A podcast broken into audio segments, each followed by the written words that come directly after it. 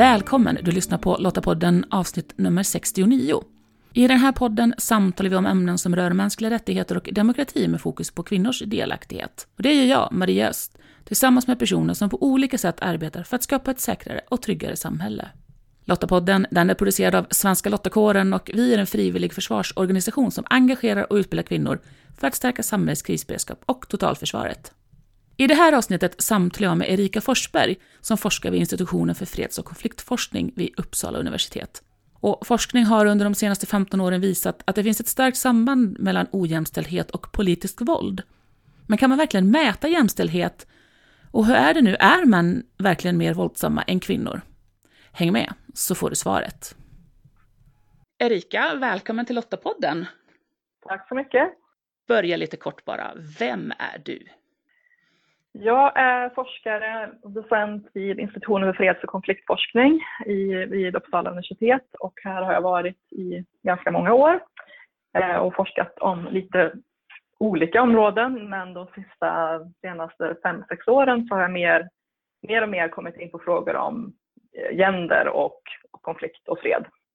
Bland annat om länken mellan ojämställdhet och politiskt våld och också om hur eh, kvinnor och män Eh, på grund av att de kanske drabbas på olika sätt under krig också har olika attityder till konfliktlösning efter att krig har tagit slut. Och nu senast också börjat titta lite grann på implementeringen av eh, så kallade gender provisions i fredsavtal. Alltså formuleringar i fredsavtal som handlar om att förbättra kvinnors säkerhet och representation och så vidare. Och, och vad i de här frågorna är det som eh, gör det så intressant att titta närmare på, tycker du? En anledning att det här är intressant att titta på tror jag är att forskning de senaste 15 åren ungefär, så ganska nyligen, har visat att det finns ett sånt oerhört stark, eh, starkt samband mellan ojämställdhet och politiskt våld i olika former. Så att länder som har mer sämre jämställdhet helt enkelt, eller mer ojämställda, mm. är betydligt mer konfliktbenägna, eh, har mer eh, både eh, inbördeskrig och dispyter med grannländer, har också mer eh, brott mot mänskliga rättigheter mot den egna befolkningen. Eh, Medan då det omvända, att eh, eh, jämställda samhällen har eh, betydligt mindre konfliktbenägna. Det är ett väldigt starkt statistiskt samband. Eftersom det är statistiskt samband så innebär det också att det är den generella trenden. Det är inte så att alla ojämställda länder har konflikt eller att alla jämställda länder inte har konflikt. Ungefär som om man tittar på relationen mellan rökning och lungcancer. Att alla som röker får inte lungcancer och det finns, man kan få lungcancer utan att röka men man ser ett starkt samband mellan en röker man så är det en ökad risk för lungcancer. Och man kan dra den parallellen till någonting ja, utanför fredsforskningen. Men att då länder som har dålig jämställdhet är mer sannolikt, det är mer sannolikt att de får öppna konflikt. Och där, där började väl mitt, mitt äh, intresse för det här. Och jag tror att det var parallellt med att den, det forskningsfältet kom upp så satt jag och grävde i lite folkräkningsdata från Indien och tittade på alla möjliga olika indikatorer om hur, hur det ser ut i Indien om man tittar mer inom landet. Och då slog, slog det mig att vissa av de här indikatorerna eller hur man nu mäter, vissa indikatorer på jämställdhet, att de varierar så otroligt mycket inom landet. Och att man såg att till exempel eh, kvinnors läskunnighet, både i absoluta termer eller i relation till mäns läskunnighet kunde variera eh, från att det var väldigt högt och eh, på, på, samma nivå som männen till att det var antingen väldigt lågt i absoluta termer eller betydligt lägre än, än bland män. En annan eh, sån eh, indikator som, som stod ut och som kändes otroligt deprimerande, även om det inte var någon nyhet såklart, var ju att vissa områden i Indien har väldigt, väldigt stora underskott av kvinnor. Mm. man ser en så stark preferens för att få söner att genom att då screena, vad heter det, prenatal screening, att man gör olika tester för att lista ut om man väntar en, en, en flicka eller pojke då att många gör abort om de mm. ser att de väntar har ett flickfoster. Mm. Vilket gör att i vissa delar av eh, Indien så är det 120 pojkar som föds på 100 flickor. Mm. Så det fattas liksom miljoner eh, flickor. Ja, jag tror att det var de två liksom, spåren som gjorde att jag blev intresserad av att dels gräva närmare i det här sambandet mellan politiskt våld och, och väpnad konflikt, men också observationen att det här varierar otroligt mycket inom länder. Så jag ville titta på det eh, men på en subnationell nivå. Mm. Och se om det då fanns en, en, ett samband också om man tittar, är det så att inom ett land att de regionerna som har sämst jämställdhet också är de som har mest politiskt våld. Och vad är det som gör att den här trenden finns då? Att det är så att de som är eh, mer ojämställda, att det finns mer våld där? När man presenterar forska, forskningsresultatet så är ju det, jag upplever att man möts ju ofta av väldigt mycket skepsis och frågor kring vad beror det här på? Och det är såklart en, en sund reaktion och ett tecken på kritiskt tänkande, att man stöter på ett resultat som man kanske är förvånad över så tänker man att beror inte det här på någonting annat? Mm. Eller kan det vara så att eh, är det inte istället så att jämställda länder är mer fredliga eftersom de också är mer ekonomiskt utvecklade eller mer demokratiska eller kanske präglade av en viss religions inflytande? Men det man kan först och främst säga är att forskningen om sambandet mellan jämställdhet och fred har tagit hänsyn till en lång rad sådana alternativa förklaringar och det här sambandet kvarstår. Mm. Men det är ändå en berättigad fråga att säga, men vad är det då som förklarar sambandet? Och här är vi ju, börjar vi ju komma lite, lite en liten, ett litet steg på vägen, men det finns fortfarande mycket kvar att undersöka, för det är, det är ganska svårt att, att veta exakt vad det är som, som förklarar. Mm. Men en vanlig förklaring som ofta förs fram fokuserar på normer och framförallt hur individer och samhället ser på den manliga rollen och den kvinnliga mm. rollen.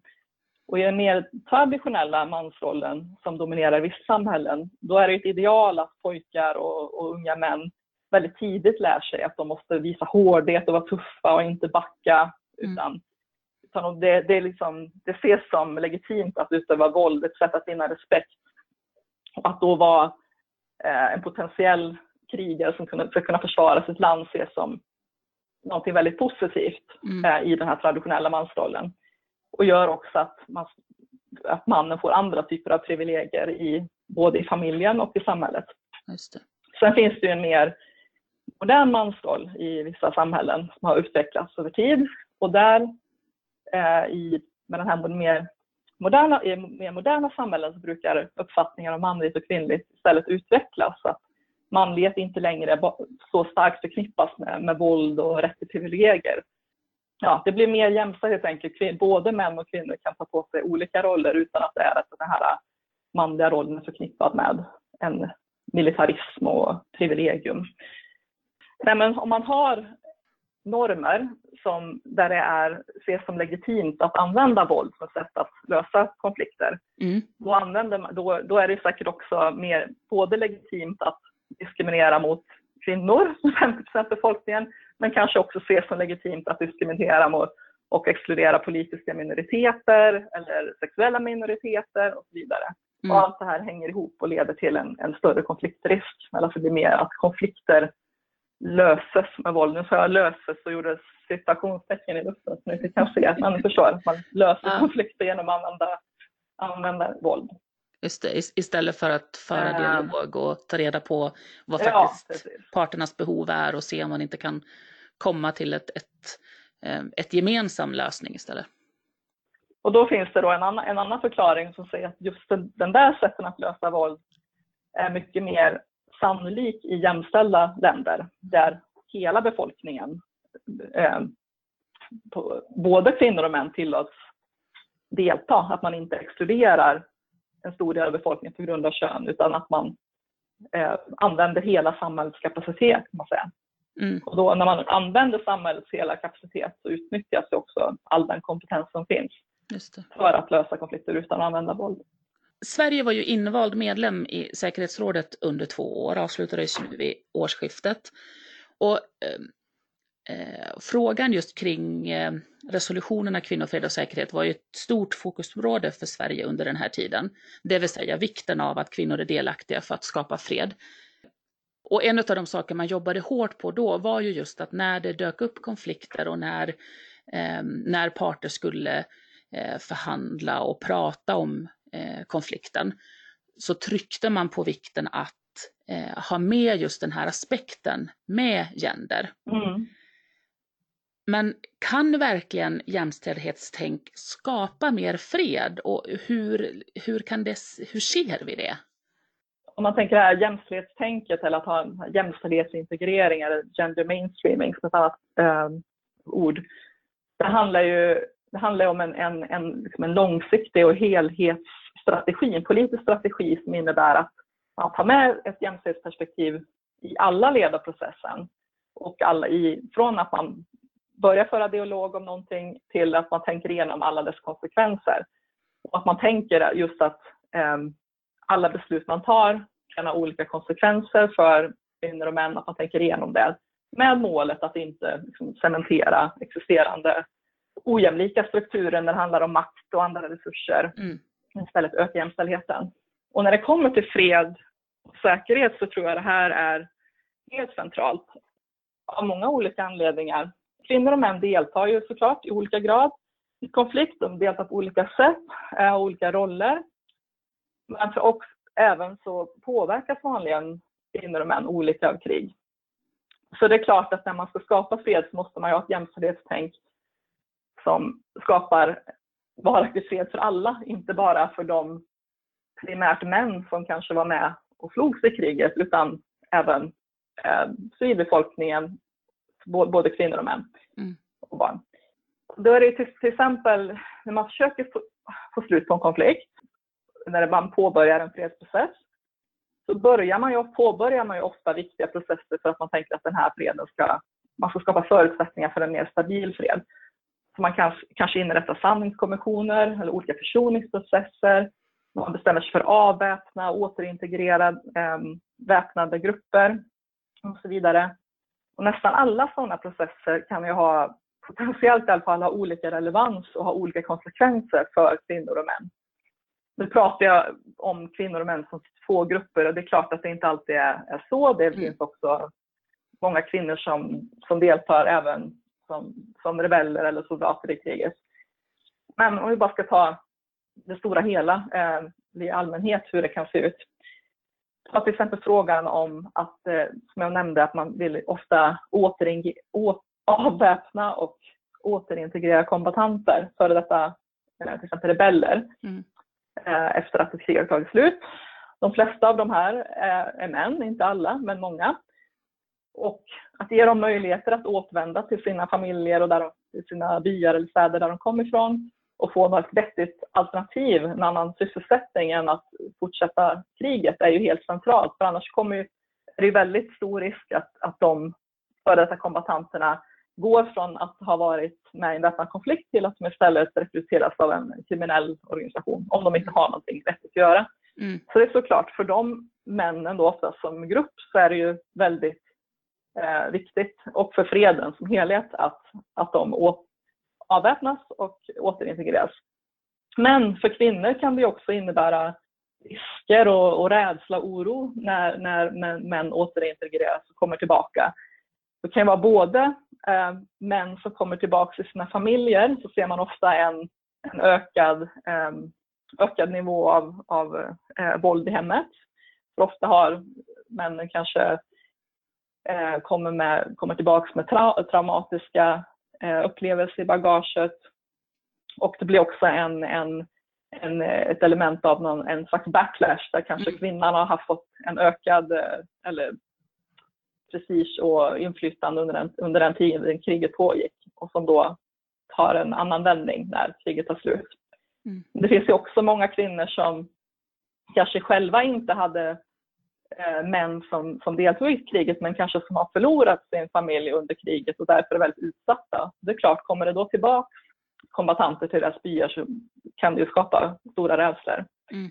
Så man måste ju, I alla de här processerna måste man ju beakta de här konsekvenserna, inte bara för eh, eller man måste beakta att det kan vara olika konsekvenser för kvinnor och män när man designar och ger stöd till olika fredsprocesser. För tyvärr finns det forskning nu som kommer som som visar att kvinnor ofta är mer skeptiska, kanske mer negativa till män än, till, till, än män till vissa sådana här fredsinsatser. Till exempel återintegrering av kombatanter eller till att vittna i sanningskommissioner. Och det kanske inte är så konstigt om, om, det, så är, om det är så att i många fall har de här processerna mestadels haft så ett, ett fokus på, på männen helt enkelt och deras problem. Om man nu är en person då som ska leda ett sånt här arbete med att, att eh, skapa fred, vad ska man tänka på då för att få till en, en, eh, en fred som faktiskt håller? Oj, det var en 10 000 kronors fråga. Det jag tror är viktigt att tänka på är ju att ofta tänker man eh, att få in fler kvinnor i processerna. Men att tänka att det är inte tillräckligt att bara tänka att vi ökar andelen kvinnor i, i organisationer och i fredsförhandlingar och olika kommissioner och så vidare. I grunden är det ju såklart en, en rättvisefråga att både kvinnor och män är delaktiga på samma villkor och, och i samma omfattning. Eller ibland bortförklaras ju avsaknaden av kvinnor i olika processer med att det inte fanns mm kompetenta individer. Att, det, de, vi, att man istället man har satt samman den mest kompetenta gruppen och så bara råkar det bestå av 100 män. Mm. Det, är ju, det är inte så många som riktigt köper det argumentet längre. Så det kan man väl tänka att om, om någon påstår att, att det inte finns eh, kompetenta kvinnor då har de inte letat ordentligt helt mm. enkelt. Men sen är det ju viktigt att tänka att det handlar inte bara om att få in mer kvinnor i processen utan att både, eh, både männen och kvinnorna bör ha ett jämställdhetstänk. Mm. Därför att det också visar sig att för att ha den här positiva effekten på fred så kräver, då är det inte kön i sig alltid som är det centrala utan det är vilka normer man har. Mm. Så personer som har jämställda värderingar är mer toleranta och mindre våldsbenägna, mer fredliga. Men de är oavsett om de är män eller kvinnor. Mm. Det är inte så att kvinnor per definition har mer jämställda värderingar.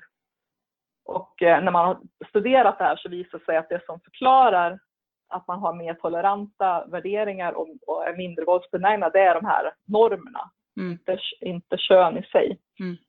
Eh, så en jämställd man kan ofta skapa mer fred eller vara mer fredlig i sina attityder än en kvinna som är, har patriarkala normer.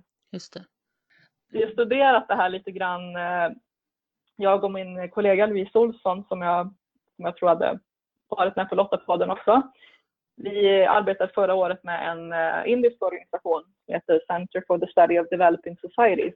Eh, vi skulle genomföra en enkätstudie i Indien där vi frågade 1200 kvinnor och män, alltså 600 av varje, om deras inställning till bland annat könsroller men också synen på det här att vara, alltså att, att maskulinitet är kopplat till att vara tuff och hård och, och också eh, vad de hade för inställning till politik och att använda våld i, i politiska syften. Mm.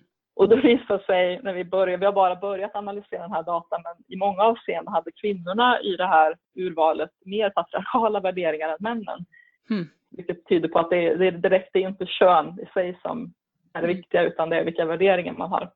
Och det visade sig att det var också, om man tittar på vilka det var i vår enkät som var förordar att använda våld för att eh, lösa politiska konflikter, så var det de här normerna som var förklaringen, inte, mm. inte kön. Mm. Och det här stöds ju också av andra, annan forskning. Jag vet inte om, jag tror din, din ursprungsfråga var vad ska, vi, vad ska vi göra för att få mer stabil fred um, i en fredsprocess och det är väl att jag tror att det är viktigt att inkludera kvinnor och män, att det skapar en riktig dynamik men att man också måste tänka på att det är inte så att kvinnor per definition har fredliga normer. Utan mm. de kan också, det är en samhällsstruktur som formar både kvinnor och män. Och jag tänker att det här kan ju bli lite moment 22 då, om man har en konflikt i ett land där normerna är eh, väldigt patriarkala. Eh, då finns det ju ett arbete att mm. göra och att överhuvudtaget, tänker jag, komma dit att man faktiskt kan sätta sig ner eh, och jämställt prata överhuvudtaget. Ja, det, och det kan ju vara en process som, som tar ett tag. Mm. Jag hade stora äran att få lyssna på professor Miriam Coronel Ferrer. Hon var eh, chefsförhandlare för Filippinernas regering när de förhandlade med islamistgruppen More Islamic Liberation Front mm. för mm. ungefär fem år sedan. Och hon är den första kvinna, första och enda kvinnan tror jag hittills i historien som har varit som chefsförhandlare och varit med och skrivit under ett fredsavtal. Mm. Och hon berättar ju lite om vilket extremt motstånd. Hon mötte och de andra kvinnorna. Men hur hon också över tid lyckades, att det blev en väldigt, en, en väldigt speciell dynamik där fler kvinnor också kunde ta ett steg fram. Så att även i en, i en kontext där hon hade en, en grupp som skulle förhandla emot som var helt emot att hon överhuvudtaget var i samma rum, att det ändå lyckades. Du har ju nämnt det här med, med normer eh, och att eh, det inte alltid då faktiskt har med det faktiska könet att göra huruvida eh, man är mer, eh, har ett, eh, ett mer jämställt tänk eller inte. Men, men rent generellt då, är män mer våldsamma än kvinnor? Man kan säga att det beror ju på vad man menar, vilken typ av våld och så vidare. Och det är klart att jag har ju inte den rätta kompetensen för att svara på alla de frågorna. Ja, men utifrån det perspektivet jag tänker på politiskt våld framför allt så kan man väl definitivt säga att de allra flesta som utövar fysiskt våld, och det kan vara som soldater eller i våldsbrottslingar, i relationer, huliganer, i våldsam kriminalitet och så vidare, är ju män, de allra flesta. Eh, och de flesta som fattar beslut om eh, beslut som leder till våldsanvändning och krig är också män. Mm. Så det är helt klart så att män är överrepresenterade i de flesta typer av våld och beslut om att ta till våld. Och den här överrepresentationen är så pass stor att den, den är större än vad som kan förklaras av att män har liksom ett fysiskt försprång som gör att de skulle vara bättre som soldater eller mer, ja, starkare helt enkelt, starkare eller snabbare. Det har man redan kunnat visa. Eh, skulle man ta de fysiskt mest kapabla i termer av att utöva våld så skulle det ändå inte bli en sån övervägande stor andel män som det faktiskt är som, är eh, över, i, eller som utför våld. Mm. Eh, och att det är så gör det ju också lite mer, ännu mer paradoxalt att det främst har varit män som sitter och ska förhandla om fred. Mm. Men samtidigt så tänker jag, det finns, eh, även om män är överrepresenterade i alla typer av, av politiskt våld, så behöver man ändå nyansera eh, det här på, på några olika sätt.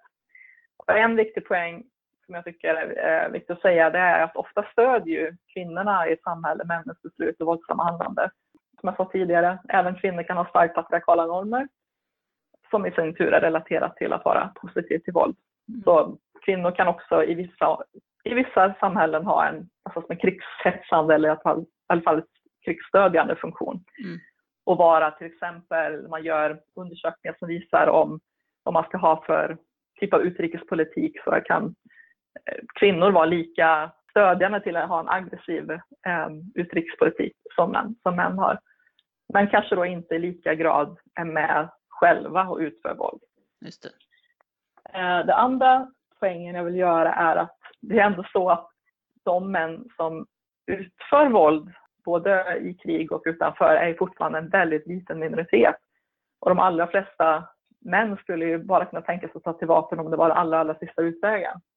Särskilt då män som kanske mer identifierar sig med den här mer moderna manligheten som jag pratade om tidigare. Som inte så starkt definieras av aggression och dominans och så. De är väldigt mycket mindre benägna att, att, att tänka att, att, att våld skulle vara en lämplig strategi. Mm. Så att om män är mer våldsamma kvinnor, det är väl det är, svårt, det är också svårt att säga, menar man då att, att det är rent biologiskt eller som ett resultat av uppfostran och social konstruktion? Och jag tänker att de här skeendena är ju komplexa. Det, alltså det, det, finns olika sätt och olika synvinklar att titta på. Det går inte att titta ur bara ur, ur, från ett håll, utan vi behöver liksom kika på det från olika aspekter för att någonstans mm. förstå komplexiteten i det. Och då tänker jag, ja, men kan man då verkligen mäta att det finns en länk mellan jämlikhet och fred när det är så här komplext? Jag skulle säga att ja, det kan man, men det går inte att göra helt perfekt och det går inte att göra utan felkällor. Men jag tycker absolut man bör göra det. Men Om jag ska utveckla det. Jämställdhet, det är ju ett komplicerat begrepp såklart. Eh, men det gäller i princip alla begrepp och samhällsfenomen som, samhällsfenomen som vi är intresserade av inom både inom fredskonfliktforskningen men också inom andra samhällsvetenskaper. Vi ställs alltid inför den här utmaningen att de begrepp vi är intresserade av kan man inte kanske direkt mäta och, eller observera i samhället. Till exempel demokrati, rättvisa, försoning och fred. Vad är det? Det är ingenting som man bara kan säga, ja men där ser jag en, ett uh, rättvist samhälle. Ja, men vadå? Det kan betyda olika saker i olika kontexter och ha olika dimensioner och definieras på olika sätt av olika personer. Och jämställdhet är såklart inget undantag. Vad menar vi? Vad är jämställdhet? Hur kan vi säga att det är mer eller mindre jämställt eh, i land A jämfört med land B? Handlar det om synen på manligt och kvinnligt eller handlar det om kvinnors deltagande i arbetslivet eller i politiken eller något annat? Det såklart kan ju vara väldigt många olika saker som har olika dimensioner och definieras på olika sätt. Men vi måste försöka studera det i alla fall. Varför det då?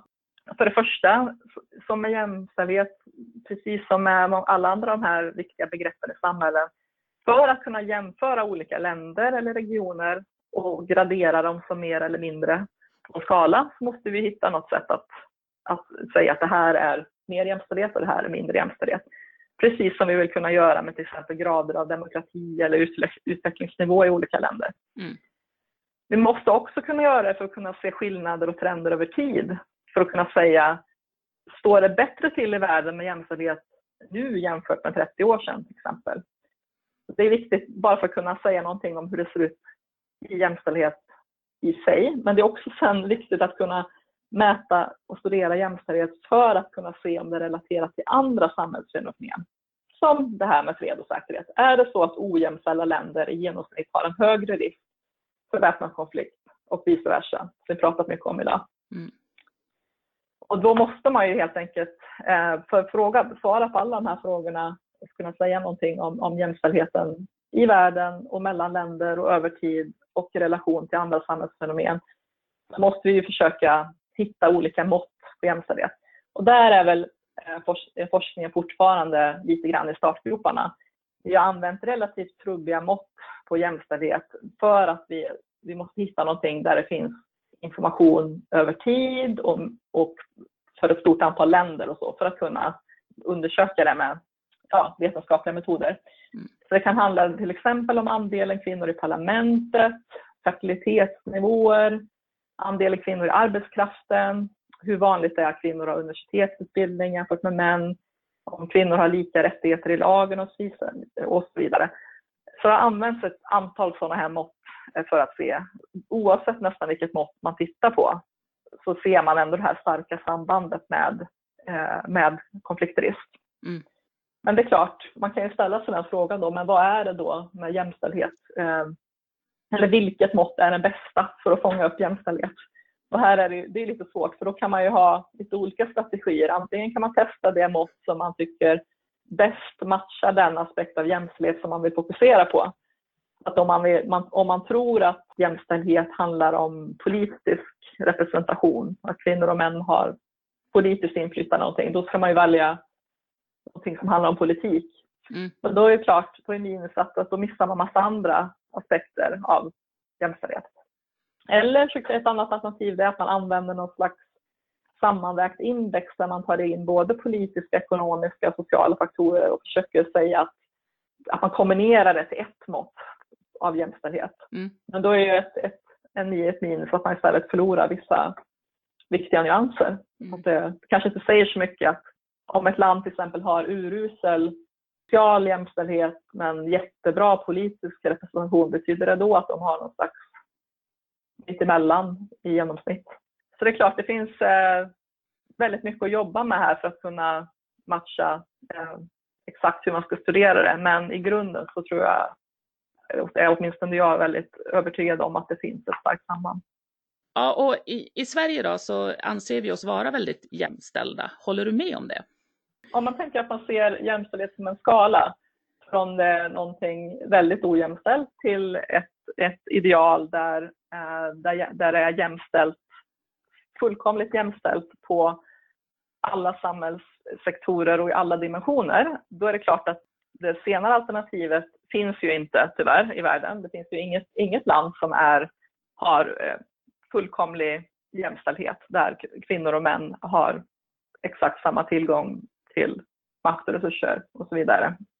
Men vi är inte så, vi är väl kanske ett av de länderna som är närmast det idealet. Ja, men det låter ju otroligt hoppfullt i alla fall. Självklart så har vi en, en del att, att jobba på här och, och kan kanske också då uh, vara med och bidra till att andra länder också ökar sin grad av jämställdhet, får vi hoppas. Men Erika, tack så jättemycket för att du var med oss i Lottapodden och uh, förklarade hur jämställdhet och konflikt hänger ihop. Tack så jättemycket för att jag var med. Det var jättekul att prata om de här frågorna. Väldigt viktiga frågor och jag hoppas att ni gör fler poddar på liknande teman. Ja, verkligen ett spännande forskningsområde, men också med mycket komplexitet. Och det jag tar med mig från samtalet är att det inte är kön som påverkar hur jämställda vi är som individer, utan normer. Eh, men också att det är viktigt att vi strävar mot jämställdhet så att hela samhällets samlade kompetens tas tillvara. Och det är ju lika sant här hemma i Sverige som i ett land eh, där det finns en konflikt. Och länk till mer information relaterat till det vi samtalat om i det här avsnittet, det hittar du på lottapodden.se. Och om du, precis som Svenska Lottakåren, tycker att fred, demokrati och mänskliga rättigheter är värda att försvara och vill engagera dig för ett säkrare och tryggare samhälle, jag går då till svenskalottakåren.se. Där hittar du information om hur just du kan bidra. Och för dig som faktiskt jobbar med trygghets och säkerhetsfrågor inom det offentliga Sverige vill vi puffa för konferensen Trygg och säker. Den genomförs i Malmö 28-29 augusti.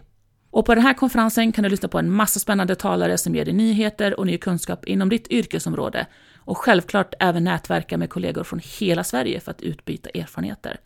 Läs mer och anmäl dig på tryggosäker.se. Nästa avsnitt av Lottapodden kan du lyssna på om två veckor den 13 juni. Så för att säkerställa att du inte missar nästa avsnitt, prenumerera gärna på Lottapodden på Apple Podcast, Podbean eller lyssna på oss på Spotify. Och om du gillar Lottapodden, berätta gärna för andra om den och vi blir jätteglada om du lämnar en recension på iTunes så att fler hittar oss. Och tack för att du lyssnar. Hej så länge!